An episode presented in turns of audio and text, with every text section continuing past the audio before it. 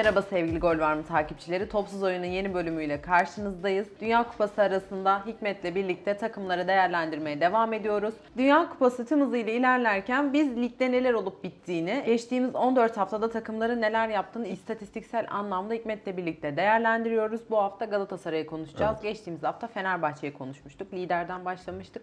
Bu hafta Galatasaray'la eleştirilerin odağı olan takımla başlamak istiyorum. İlk olarak hedefi neydi Galatasaray'ın? Nasıl bir hedefle lige başladı ve şu anki bulunduğu yer bununla tutarlı mı? Şimdi Galatasaray Okan Hoca'yı getirmesi itibariyle hedefini önce şampiyonluk olarak belirlemişti sezon başında. Yapılan transferler de ligin üstünde kalite anlamında transferler. Fakat sezon başında transferlerin yetiştirilememesi anlamında Galatasaray ilk e, birkaç hafta takım oyununda ne yapmak istediğini kendisi de bilmez bir halde birkaç maç geçirdi. Şimdi buraya ben Galatasaray'ın son haftaki dizilişiyle ilk haftaki dizilişini örnek olarak çizdim. Burada zaten hani biz konuşurken aynı zamanda tahtada da oyun içerisinde ne gibi değişiklikler olmuş. Bunları ortalama olarak yaptık bu arada. Maç içerisinde işte ortalama aldıkları pozisyonlara göre. Galatasaray'ın ilk haftalarda yaşadığı temel problemler genel itibariyle oyuncu karakter ve profillerinin birbiriyle uyum aşamasında olmasıyla alakalıydı. Şimdi Torreira defansın önünde tek oynaması gereken bir oyuncu. O bölgeye sıkça girip çıkan Berkan'la oynadı sezon başında. Geçen sene Berkan orayı süpüren, toparlayan adam rolünden bu seneye de çeşitli nüveler taşımıştı. Çünkü geçen seneki anlayışın devamı olarak geliyordu. Bolcuların mantalitesi, takımda değişmeyen oyunculardan söz ediyorum. Saha içerisindeki parselasyon kötüydü sezon başında. Okan Hoca bunları şey olarak atlatmaya çalıştı. Bir an önce oyunu birinci ve ikinci bölgeden ileriye doğru Üçüncü atalım. atalım. Yapacağımız şeyleri orada yapalım şeklinde.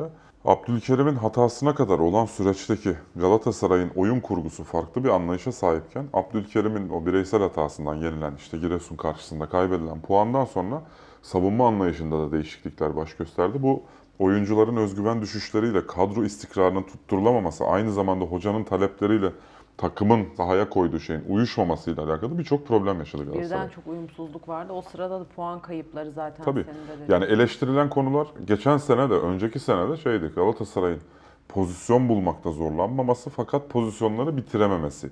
Şimdi her sene farklı farklı e, hocalar geldi, sezon içerisinde değişiklikler yaşandı falan. Bu problem kronik olarak devam, eder Devam etti. vaziyette. E, son Başakşehir maçı hariç yine Galatasaray'ın en fazla eleştirildiği konu pozisyon bulmakta sıkıntı olmaması fakat bunun gole Gole. dönüştürülememesi. Şimdi burada genel ve temel bir problem var. Oyuncuların oynamak istedikleri, karakterlerinde bulunan oyunla, şimdiye kadar gösterdikleri performansla, tap noktaya ulaştıkları pozisyonla Okan Hoca'nın kadro kurgusundaki yerleri çakışır pozisyondaydı. Şimdi sezon başında Van Aanholt sol bekte başladı. Van Aanholt çizgiyi dikine kullanan, son çizgiye kadar inen bir bek değil. Çok bulunmayan türevde bir bek oyuncusu.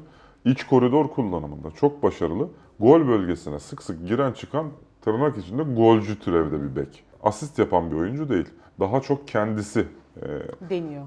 pozisyonu son noktasında bulunmak istiyor Anhold. Şimdi ona göre oyun oynarsanız başka bir şey oynamanız gerekiyor. Torrent onu o noktada başarılı kullanmıştı. Torrent'in oyun anlayışında da katı çizgiler mevcut. Mesela bekleri iç koridorda konumlandırmak istiyor. Boy buna uygun değildi. Boy geçen sene futbolcu değil gibi O eleştiriliyordu çizgi mesela. çünkü. Çizgi futbolcusu yani. Daha Şimdi bir- oralarda olmaz. Bir teknik direktörün kendi oyun kurgusuyla alakalı aldığı kararlar kariyerlere bu kadar tesir ediyor. Van Aanholt şu anda Galatasaray'ın oynaması gereken profile uygun bek olmadığı için ki aslında bence ilk alındığı dönemde dahil olmak üzere o profilde bir bek oyuncusu değildi. İlerleyen haftalarda kesilmek durumunda kaldı. Çünkü neden? Sol stoper, sol bek, sol açık, sol iç orta saha. Burada öbeklenip dört kişi birbirinin üstüne bindiler. Bal yapamayan arı misali. Orada hepsi aynı yerde bulunuyor. Şimdi bir maç haritası vardı, ısı haritası. Gaziantep spor maçıydı. Dört oyuncunun yoğunluk ısı haritası şurada. Şuradan sonraki bölgede kimse yok. Nelson'un önündeki sağ iç koridor şu kadar boş. Yani o bölgeye girilip çıkılmıyor. Orada bir oyun yoğunluğu yok. Galatasaray'da bireysel etki alanları hocanın istediği şeyle çakışıyordu ilk dönemler. Transferler geldi, kadro dönüşüme girdi. Mertens devreye girdi. Mertens'ten sonra sol bekte işte hoca arayış içerisine girdi. Emre Taşdemir de, Kazımcan Karataş da, Kazımcan forvet orijinli olmasına rağmen çizgiyi kullanabilen türevde oyuncular. Başarılı başarısız tartışılır ama Şimdi topla buluştuğunuz, efektif alana girdiğiniz bir noktada takım arkadaşınız sizin sırtınıza çıkıyorsa aynı pozisyonda orada etki gösteremiyorsunuz. Şimdi Kerem'le Van Aanholt iç koridorda üst üste bindiler. Evet. Galatasaray sol bekini değiştirdikten sonra Kerem kendi etki alanında biraz daha rahat kaldı fakat soluna oyuncu alamadı. Yani oradaki güvenceyi de sağlayamadı. evet e, şey daha savunma düşünen bir bekle oynadığınızda hücuma katkı sağlayamıyor haliyle. O noktada Kerem çok eleştirildi mesela. Yunus'un da eleştirildiği konular var. O magazinel kısmına girmiyorum. Yunus da aslında oyun içerisinde kendisine verilen rolle alakalı problem yaşadı. Yunus topla buralarda, şuralarda falan buluşuyordu. Yunus'un etki alanını Montella belirlemişti. Yani daha buralara Sezon başında konuşuyorduk işte. Şu bölgeler. Yunus alacak ceza sahasının çaprazında, işte yay civarına, dışarıdan içe kat En azından alver yapacak, vesaire. orayı hareketlendirecek. bitiren değil de kuran oyuncu olmaya başladığı zaman yani olmaya çalıştığı zaman belki hocası öyle talep etti. Belki oyun onu çağırdığı için öyle oldu ama ben bunun çok oyunun çağırdığı bir şey olduğunu düşünmüyorum. Yani bir hafta olur, bir devre olur, ikinci devre olur. Ama bütün maçlarda eğer aynı bölgelerde konumlanıp oralarda topla buluşuyorsa bu hocanın talebidir. Ona biçilen bir biçilen bir rol vardı sahanın içerisinde ama o da çok verimli olamadı bunun için. Zaten kaç haftadır kesik yemesi de e, bunun bir göstergesi. Hani Kerem biraz toparlamaya başlamıştı ama Yunus o kadar hızlı o süreci atlatamadı ki zaten Bu biraz da tabii mental Tabii kesinlikle oyuncuların mental Durumla e, alakalı. seviyeleri birbirinden çok farklı ama kadroda böylesine genişken yerinizde bir başkası mutlaka geliyor. Kerem kaoslardan beslenip güçlü çıkmaya çalışan bir karakter. Ee, Bunu geçen sene de gördük. Markao olayında mesela. Markao olayında muhtemelen e, Galatasaray taraftarının büyük çoğunluğu ikisinden birisi artık gider ya da performans olarak Evet. kaybolurlar diye düşünürken geçen sene takımın en iyi iki oyuncusuydu bu oyuncular. İşte Kerem de Markao da bu kaostan, krizden beslenebilme özellikleri var. Yunus bu noktada kırılgan bir oyuncu. Yunus'un bu noktada artık mentor desteği mi olur, çevre desteği mi olur bilmiyorum. Bu noktada Yunus'un kendisini doğru şekilde görmesi gerekiyor. Yapabileceklerini ve yapamayacaklarını görmesi gerekiyor. Artılarını, eksilerini doğru değerlendirmesi Doğru. gerekiyor. Çünkü bu değil. Yani Yunus Akgün performansı saha içerisinde gösterdiği Yunus Akgün O değil. Bunu çok net olarak biliyoruz. Demirspor'da izlediğimiz Yunus değil yani. O zaman ya bize bizim izlediğimiz farklı bir oyuncuydu o Çok zaman. büyük bir yetenek. Dar alanda çok etkili. İçe attığı koşular çok tehlikeli. İşte birkaç tane temel eksikliği var ama onu hocaların halledebileceğini varsayarak hani onları tekrar tekrar anlatmaya gerek yok işte. Savunma arkasına koşu atma eksikliği vesaire. Ters ayak kullanımını e, hareket halindeki topta çok başarılı uyguluyor mesela Yunus. Tek tek oyunculara girersek program çok uzar ama Galatasaray'ın en büyük kozlarından bir tanesi olması beklenirken herkesin tartıştığı bir isim Evet. hale gelmesinde kendi payını da birazcık e, değerlendirmesi gerekir. Çünkü bu noktadan çıkan oyuncular da var. Bu noktada sabit kalan kendisi. Çünkü önü açık bir oyuncu. Galatasaray'la alakalı ben de mesela sene başından beri çok fazla eleştiride bulunuyorum. Bence doğru noktadan baktığımızı düşünüyorum. Potansiyel, kadro yapısı, hocanın talebi, hocanın şimdiye kadar önceki takımlarda çizdiği çizelgenin hepsini üst üste koyduğumuz zaman talep daha fazla. O aradaki boşluk işte bizim eleştiri yaptığımız noktalar. Çok ciddi anlamda bir potansiyel vaat etme durumu söz konusu. Kadro kalitesinden işte isimlerin her birinin özel winner karakterler olmasından vesaire. Fakat sahada gördüğümüz başka bir şey. Oyunculara uygun olmayan roller vesaire. Aslında burada Fenerbahçe için mesela biz oyun kalitesinin yüksek olduğundan söz etmiştik. Belki oyuncu kalitesi o kadar yüksek değildi ama e, Jesus'un ortaya koyduğu bir oyun kalitesi vardı. Galatasaray'da da aslında Bir oynamak kalitesi istediği oyun var. çok Ona yüksek. inandırdığı da bir futbolcu Evet. grubu var. Hani burada Galatasaray'da sanki o ikisi arasında bir dengesizlik olduğu için bunu yaşadık. Ekstra Mertens'le ilgili de eleştiriler çok olmuştu. Onu da sormak istiyorum. Mertens'in e, Başakşehir maçına kadar hiç skor yapamaması üzerinde çok eleştiriler vardı. Mertens'in yerini de seninle konuşmuştuk burada. Ha, Burada ne- saha içinde neler değişti? Şimdi Galatasaray kendi oyun anlayışını bir netleştirdi aslında. Yani Başakşehir maçından önceki maçları da bu işin içerisine dahil edebiliriz. Sonuç olarak spektaküler olan Başakşehir olduğu için en fazla dikkat çeken o oldu ama Galatasaray 3 aşağı 5 yukarı ne oynamak istediğini ve kimle oynamak istediğini belirledi. Takımda ciddi anlamda bir rotasyon var mı? Yok. Raşitsa bu takımın hem sağda hem solda en kaliteli alternatifi. Yani ben sezon başından beri de aynı şeyi söylüyorum. Raşitsa'nın bu denkleme sokulması gerekiyor diyordum hatırlarsan. Kesinlikle. Şimdi Raşitsa girdikten sonra başka bir şey oynamaya başladı Galatasaray. Çünkü e, Giresun maçındaki sıkıntıdan söz edelim. Giresun maç önü analizimizde ne demiştik? Giresunspor merkezi kalabalık ve sıkı şekilde tutup takım boyunu kısa tutup rakibini kenarlara yönlendiren, kenarlardan gelen ortaları karşılayarak rakibe rövanş imkanı vermeyen bir takım. Hakan Hoca'nın en iyi yaptığı iş bu demiştik. Galatasaray bunların her birini harfiyen yaşadı. Yani çok beklenmeyen bir şey değil de taraftar çok şaşırdı. Ben de onların şaşırmasına çok şaşırdım mesela. Çünkü e, Galatasaray'ın eksileriyle Giresunspor'un artıları çok ciddi anlamda örtüşüyordu. Giresun'un en iyi yapabildiği şeyler Galatasaray'ın yapamadığı şeylerdi. Ve Galatasaray bunu aslında kesit kesit bütün maçlarda yapamadı. Yani yay civarını oyun merkezi belirlemesi gerekiyor Galatasaray'ın. Neden? Çünkü Galatasaray birinci bölgeyi transit geçen bir takım. İkinci bölgeyi de genel itibariyle ön tarafa yaklaştırıp tek kişiyle alan kapatıp diğer oyuncularla ön alanda konumlanmaya çalışan bir takım Galatasaray. Böyle bir oyun kurgunuz varsa yayın en kötü 20 metre önüne bir kamp kurmanız lazım sizin. Çünkü hem şut tehdidi yapan oyuncunuz var hem forvetleriniz zaten Icardi. Rakip sayısal olarak orada kalabalık, onları hareket ettirebilmeniz lazım. Yani ceza yayı önüne dediğimiz zaman komple yatay olarak düşünmek lazım. İşte herkes buraya gelip 8 kişi buraya yığılsın, orada işte bir curcuna çıksın olayı değil. Giresun maçında öyle oldu. Giresun maçında şurada 6 kişi vardı. Yani 2 kişi de onların arkasında sekeni toplarım diye 8 kişi. 8 de Giresun'da var. Oldu 16 kişi. 16 Oradan top kişiye Nasıl çıkacak zaten? 16 kişiye Galatasaray sağlı sollu top attı. Yani bu oyuncuları buradan hareket ettirmediğiniz sürece oraya isterseniz maç başına 250 tane hani orta yapın ya da yatay pas verin bir şey değişmez. Çünkü adamlar sabit ve statik şekilde sizin topu atacağınız bölgede savunma yapıyor. Onları yerinden oynatmadığınız sürece bir anlamı yok. Oraya ister 30 tane adam sokun ister 40 tane. Galatasaray o bölgede oyun merkezi belirlemesi gerekiyordu bence. Yatay olarak ama tekrar ediyorum. Çünkü ceza yayı... Tek bir e, bakış açı yani tek bir bölgeden değil. Senin demeye çalıştığın buradan e, Tabii, tabii. dengeli bir diziliş. Galatasaray orayı merkez belirleyip oradan oyunu kurgulaması lazım. Bu noktada en doğru oyun Başakşehir maçında oynandı. Sergio birkaç adım geriye geldi. Torreira birkaç adım öne çıktı. Torreira'nın en iyi yaptığı şey amansız baskı pres ve bu presi yaparken doğru alan kapatıp pas kanallarını kapatmak. Şimdi pres yapabilirsiniz. Pres herkes yapabilir. Hani deli gibi basarsınız adama. Top nereye giderse onun peşinden koşturursunuz. Fakat presi doğru konumlanmayla yapmak mesele bence. Torreira doğru noktadan işte şöyle örnek gösterelim. Buradan pres yaparken bir oyuncu direkt oyuncuya basmıyor. Torreira'ya bakarsanız pas kanalına girdikten sonra pres uyguluyor. Yani hem arkasına bir rakip oyuncuyu almış oluyor hem de baskı uyguladığı kişiye sıkıntı yaratıyor. Bir kişi iki kişiye baskı uyguluyor. İşte buna da oyun zekası ve oyun bilgisi diyoruz. Sergio bu noktada hemen arkasında paratoner oluyor ona. Hani gerek gerektiği zaman pas istasyonu olmak, gerektiği zaman alan kapatmak. Sergio kendisinden 3 misli fazla alan kapatıyor orta sahada. Evet çok zeki bir oyuncu ama çok Ben bunu görüşlü. sezon başından beri söylüyorum. Yani Sergio'nun her türlü bu denklemin içerisinde olması gerekiyor. Çünkü bir takımın en kreatif adamı, iki Kesinlikle. en fazla kilit pas atan adamı, üç en fazla oyuncuyu birbirine bağlayan.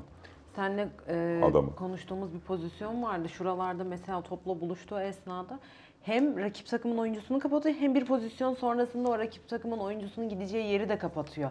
E, bu oyuncuya yani her zaman ihtiyacımız Bu var. Türkiye'de özellikle çok sık bulunmayan bir şey. Hani enerjik oyuncu bulursunuz. Afrika'dan getirirsiniz 22 yaşında. 5 tane genç. En kötü 2 tanesi tutar burada. İşte baskıyı presi ona anlatırsınız.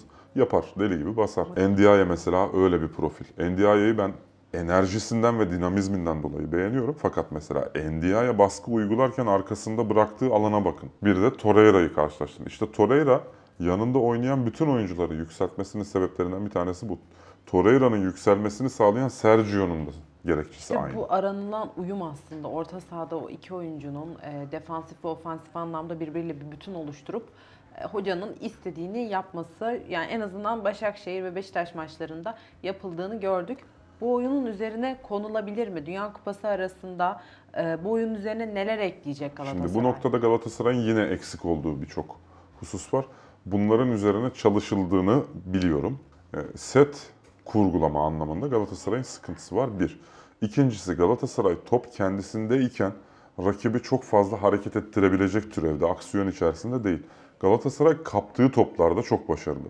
İkinci bölgeye geçişlerde çok başarılı fakat Galatasaray'ın oyun stratejisi anlamında denemesi gereken noktalardan bir tanesi gerektiği noktada rakibin birinci bölgeden ikinci bölgeye çıkmasına müsaade etmek. Yani rakibin hareket etmesine imkan tanımak. Bazı zamanlarda bunu bırakmak gerekir. Şimdi Başakşehir'e bunu uyguladınız. Doğru. Alanya Spor'a bunu uyguladınız. Doğru. Giresunspor'a bu noktada sıkıntı yaşarsınız mesela. Aynı ön alan baskısını yaparsanız onlar oradan çıkar. Oyuna dahil ettikleri bek oyuncuları da var çünkü. Baskı alanını ne kadar genişletirseniz sizin agresyon düzeyiniz o O kadar, kadar düşer. azalır.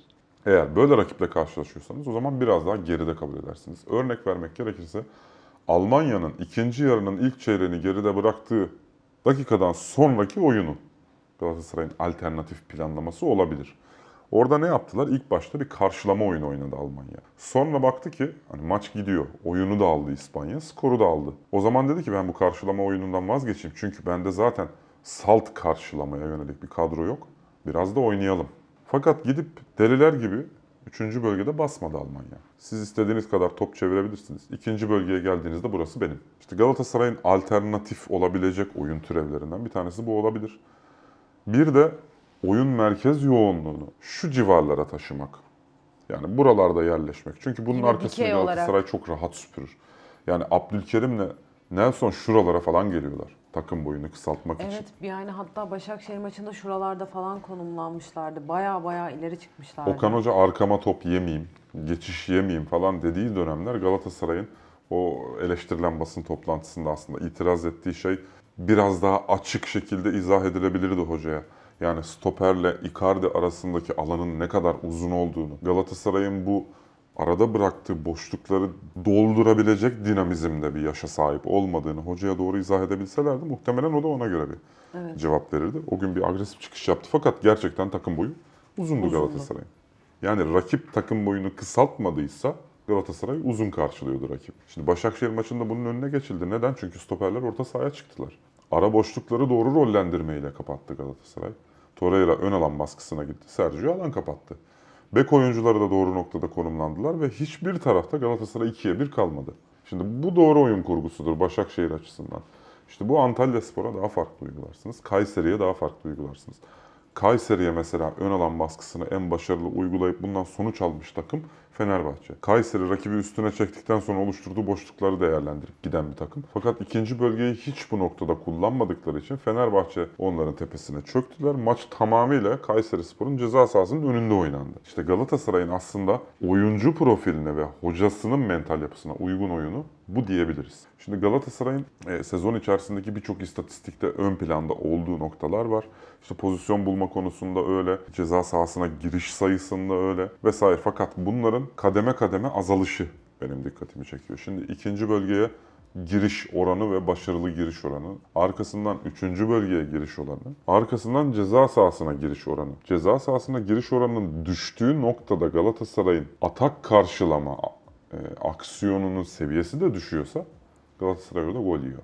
Mesela Giresun maçında benzer sıkıntı yaşandı. Galatasaray en fazla pas trafiğine sahip olduğu dönemde, savunmayı en öne çıkardığı zaman diliminde, en fazla takım boyunu daralttığı zaman diliminde, en fazla dönenleri toplamaya çalıştığı zaman diliminde gol yedi. Giresun da böyle bir maç geçirmedi bu arada. Yani bu kadar böyle rakibi üstüne davet edip topyekün hurra saldıran bir takım olmadı Giresun'a karşı. Her şeyinizi hazırlayıp şu bölgeye yığıldığınızda, rakibin e, sahasına yığıldığınızda bir boşluk verip e, gol yemeniz de mümkün tabii ki de orada senin de dediğin gibi belki sahipsiz top kazanımındaki başarısı Galatasaray'ın rövanşları almakta mevcut değil. Galatasaray'ın topu geri kazanma süresi uzun. Kaybettiği topu kazanamadığından ötürü de zaten. Orada doğru konumlanamıyorsun. Doğru konumlanamadığın noktada verdiğin boşluğu rakip işte artık eskisi gibi değil. Yani iki tane oyuncu çıksın bana beş tane maç alsın gibi bir Evet. durum yok. Kayseri Spor, Antalya Spor, ondan sonra Görece Gaziantep, Galatasaray faciasına rağmen Başakşehir. Bunların her biri maç maç hazırlanıp ya hata yaparlar yapmazlar. Sonuçta maç itibariyle hazırlanıyor mesela. Galatasaray'a başka bir şey oynamak için geliyorlar mı? Evet. Artık takımlar aralardaki bütçe ve kalite farklarını teknik taktik detaylarla kapatmaya çalışıyorlar ve e, Çağdaş Hoca'dan bahsediyoruz sık sık. Çağdaş Hoca bunu yapanlardan bir tanesi mesela. Hikmet Hoca da kurduğu e, turnuva türevindeki kadro ve anlayışıyla geçen sene herkesi tıkır tıkır tıkır basamak basamak atlaya atlaya gitti. Kupa finali oynadı bu şekilde. Şimdi artık o teknik anlamdaki detaylar sizin oyun anlayışınıza doğrudan tesir edebiliyor. Ben Galatasaray'ın kendi oyunumu oynarım diyemiyorsunuz işte. Ya o oyunu oynadığınız zaman Çünkü Giresun karşı geliyor. tarafın hazırlığı var. Yani artık senin de dediğin gibi tek bir oyuncu üzerinden işte onu uzun top atalım çıksın ya da işte savunma İşte Hacı vardı alıyordu. 45 metreden acayip bir gol atıyordu mesela. İşte Antalya Spor attı gol, İstanbul Spor attı gol. Böyle tırnak içinde hani garip bir golle size maç alıyor. Şimdi artık rakipler bu imkanları vermedikleri gibi sana özel hazırlanarak geliyorlar. Büyük takımların tırnak içerisinde daha e, rakibi hafife almamasını gösteren etken, etkenlerden bir tanesi. Onlar da artık hazırlıklarını daha iyi yapmak zorundalar. Burada Galatasaray'dan eklemek istediğim bir şey var mı? Galatasaray adına eklemek istediğim şey şu, futbol bir merkez oyunudur. Kanatlar bu merkez oyununun istasyonlarıdır. Galatasaray saha parselasyonunda, Galatasaray saha parselasyonunda doğru bir strateji belirlerse, maç planlarına rakibe özel, çeşitli detaylarla çeşitlendirirse ve kendi oyununun ikinci planını biraz daha güçlendirirse bu şey değil. Hemen 4-4-2'ye dönelim, devamlı içeriye şişirelim. Bu bir pla- plan değil. Hani bu kaosun genetik hafızada bıraktığı bir oyun ezberi. Hani hemen 4-4-2'ye dönelim, hop içeriye işte Bu top sefer daha çok sarpa şişirelim. sarıyor. Buradan sonuç alamadığınız zaman direnç artar. Direnç arttığı zaman özgüven yükselir. Özgüven yükselirse çarpı 0.5 karşı tarafa savunma e, başarısı sağlar. İkinci planlı Galatasaray'ın güçlendirmesi halinde ben şampiyonluğun en güçlü adaylarından bir tanesinin Galatasaray olduğunu düşünüyorum. E, Icardi faktörü çok ciddi anlamda ön planda. Mertens gösterdiği performansları bireysel özverisiyle gösterdi. Trabzonspor maçındaki Cornelius e, pozisyonu örnektir. Ben Mertens'in kötü oynadığını düşünmüyordum. Skor konusunda Galatasaray taraftarının bir şeyi var, takıntısı var. Hani Mertens işte Napoli'de bilmem ne kadar gol attı Galatasaray'a geldi. Şu kadar dakika bir de dakikaya böldüğünüz Daha zaman çok böyle sinir şey bozucu bir şey oluyor. Mertens Hani abi gol 1500 atmalı. dakikadır gol atamadı falan filan gibi işte o zamandan kıyaslar getiriliyor. İstatistik böyle bir şey değil. Mertens'ten ne beklendiği, oynatıldığı bölgenin gereksiniminin ne olduğu ve Mertens'in ne kadarını karşıladığı mesele. Şimdi bu bölgelerdeki akış, oyun akışı içerisinde Mertens'in aldığı pozisyon ve arkadaşlarını pozisyona bağlama özelliklerinde eksiklik varsa Mertens kötü oynadı diyebiliriz. Bence yok. İlla sayısal anlamda bakmak gerekmiyor. Oyun içerisindeki katkıları da bence önemli bir unsur bu şey kıstası yaparken. Galatasaray için bir ekleme yapayım. Artık sona yaklaştık herhalde. Bayağı uzun oldu. Galatasaray'da pozisyon takibi yapan oyuncu sayısı artarsa bu skor bulamama, XG üretip onun işte maçlara yansımaması problemi çözülebilir. E, idmanlar da dahil olmak üzere bu noktada en istikrarlı oyuncu Mata. Evet takımdaki arkadaşlarını çalıştırdığı yönünde de haberler vardı. Pozisyon takibi çok önemli. Galatasaray şimdi bu kadar pozisyon buluyorsun. Birinci aksiyon geçti, ikinci aksiyonda sen yoksun. Bir anlamı yok o zaman pozisyon bulmanın. Çünkü tamamlayıcı olman lazım ki o atak devamlılığı devam etsin. Ceza sahası içerisinde rövanş top demeyelim ama kaleci kurtardı, direkten döndü, savunmaya çarptı. Ben attım iş bitti değil. Yani Mata bunu takip ederek gol attı mesela. Mata gibi tecrübeli bir oyuncu da tabii ki e, bütün o bilgi havuzunu yansıtmak istiyor takım arkadaşlarına. Katkıda bulunmak istiyordur şüphesiz. Topsuz oyunun bu hafta sonuna geldik. Önümüzdeki hafta görüşmek üzere diyelim mi? Tabii ki artık bayağı bir konuştuk. Sonuna geldik meselemizin. Ee, talebimiz yorumlarınızla, beğeni ve paylaşımlarınızla bizleri desteklemeniz. Bir sonraki hafta Topsuz Oyun'da görüşmek üzere. Hoşçakalın.